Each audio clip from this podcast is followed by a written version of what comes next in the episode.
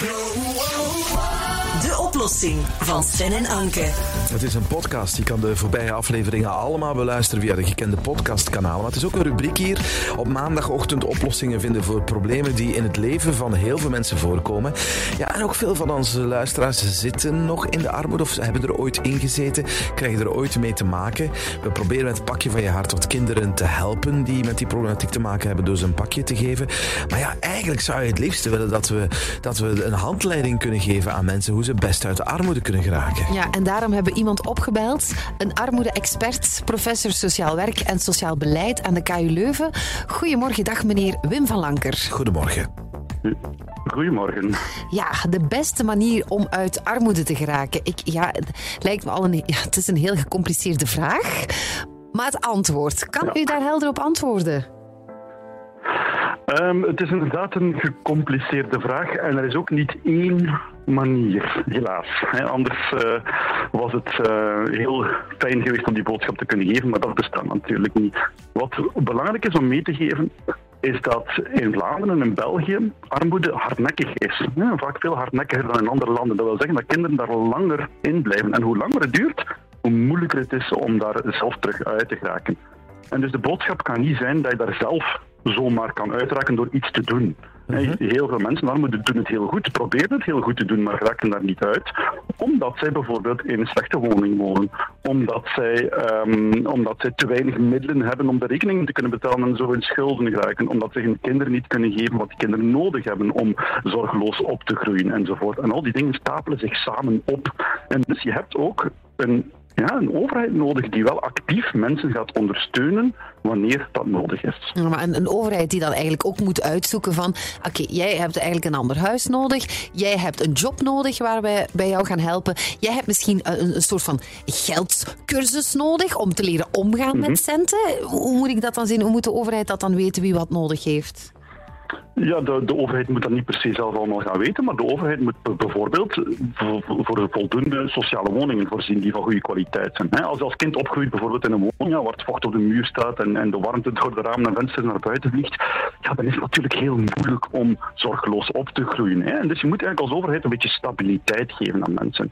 En als je voldoende stabiliteit gaat geven, gaan mensen ook makkelijker daar zelf uit die armoede kunnen geraken. En dus bijvoorbeeld voldoende sociale woningen voorzien. Vandaag zijn er veel te kort, hè, want er staan 150.000 mensen op de wachtlijst voor een sociale woning. Je moet ervoor zorgen als mensen door een of andere reden niet kunnen werken, hè, want de meeste mensen in armoede die werken trouwens, hè, maar diegenen die bijvoorbeeld niet kunnen werken, dat die ja, ergens een, een uitkering krijgen die toch voldoende is om niet dieper in die armoede te geraken.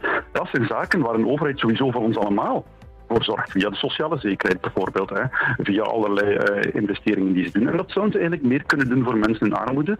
En dan heb je daarnaast organisaties nodig, bijvoorbeeld op schoolniveau of op wijkniveau, die mensen echt gaan ondersteunen in de dagdagelijkse problemen waar ze mee te maken krijgen. Uh, en zo kan je mensen eigenlijk zelf een, een, duwtje geven in de rug om daar uit te geraken. Dat is goed, uh, professor. Maar ja, oké, goed. We kunnen, uh, als de overheid het dan misschien niet voldoende doet, ja, dan zitten we daar met die situatie. Als we zelf, -hmm. zelf in armoede zouden zitten, of we kennen vrienden die er helemaal in zitten.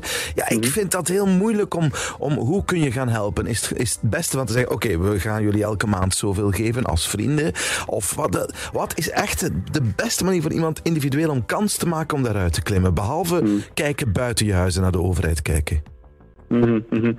Ik denk dat het cruciaal is om, om, om, mensen, om te vermijden dat mensen in isolatie terechtkomen. Wat mensen in armoede doen, is heel vaak het schaamte uit schaamte zich terugtrekken. Omdat ze bijvoorbeeld vrije tijdsactiviteiten niet meer kunnen betalen. En dan is dan heel vervelend natuurlijk. Gaan we samen op café gaan? Ja, iemand kan niet betalen.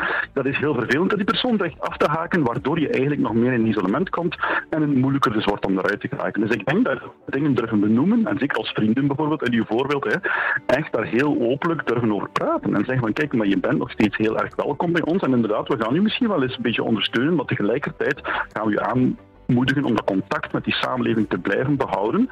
Maar dan nog zal er, zal er dus meer nodig zijn om dan mensen terug uh, die, die, die duw vooruit te kunnen geven. Maar het is wel belangrijk wat je zelf kan doen, mensen het vertrouwen geven, geen, geen stigmatiserende uitmerkingen, opmerkingen maken bijvoorbeeld. Mensen het gevoel geven dat ze er volledig bij horen, dat is echt wel zeer belangrijk, want een sociaal netwerk, daarmee is dat ook een, een, een bron om uit die armoede te geraken. Dat is een manier om daaruit te geraken. Misschien nog één ding, je hoort wel eens zeggen van um, mensen die echt geld te veel hebben, ze willen helpen, dat het niet altijd mhm. ideaal is om, ja, om zo gewoon maar geld te geven, maar dat het beter is om organisaties te ondersteunen die structureel kunnen helpen. Klopt dat ook? Mm ik denk dat je de beide moet doen. Hè. Het, is, het is niet of-of, denk ik. Hè. Het is, het is, je, moet inderdaad organisaties ondersteunen die goed werk leveren, die enige pet zitten in die samenleving, die mensen bereiken ook, die bijvoorbeeld hè, uitgesloten zijn van, van, van die samenleving. En tegelijkertijd moet je ook wel zorgen dat mensen ja, voldoende geld hebben. Hè. Bedoel, dat geldt voor ons allemaal, dat we graag de, de, rekeningen op tijd kunnen betalen. En als dat niet gaat, ja, dan dreig je veel sneller in die armoede te vergelijden. Dus het is allebei, denk ik, dat je nodig hebt.